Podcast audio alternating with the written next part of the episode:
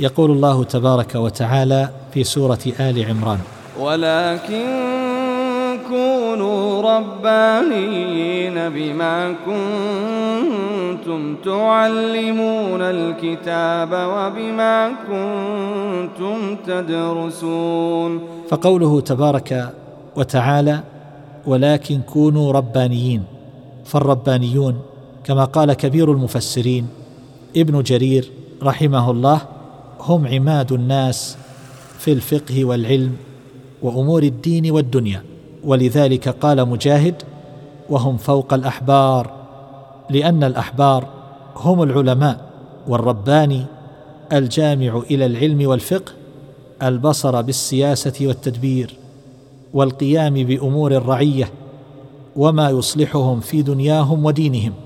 وقد علق على ذلك الشيخ محمود شاكر رحمه الله فقال هذا التفسير قل أن تجده في كتاب من كتب اللغة وهو من أجود ما قرأت في معنى الرباني وهو من أحسن التوجيه في فهم معاني العربية والبصر بمعاني كتاب الله فرحم الله أبا جعفر رحمة ترفعه درجات عند ربه.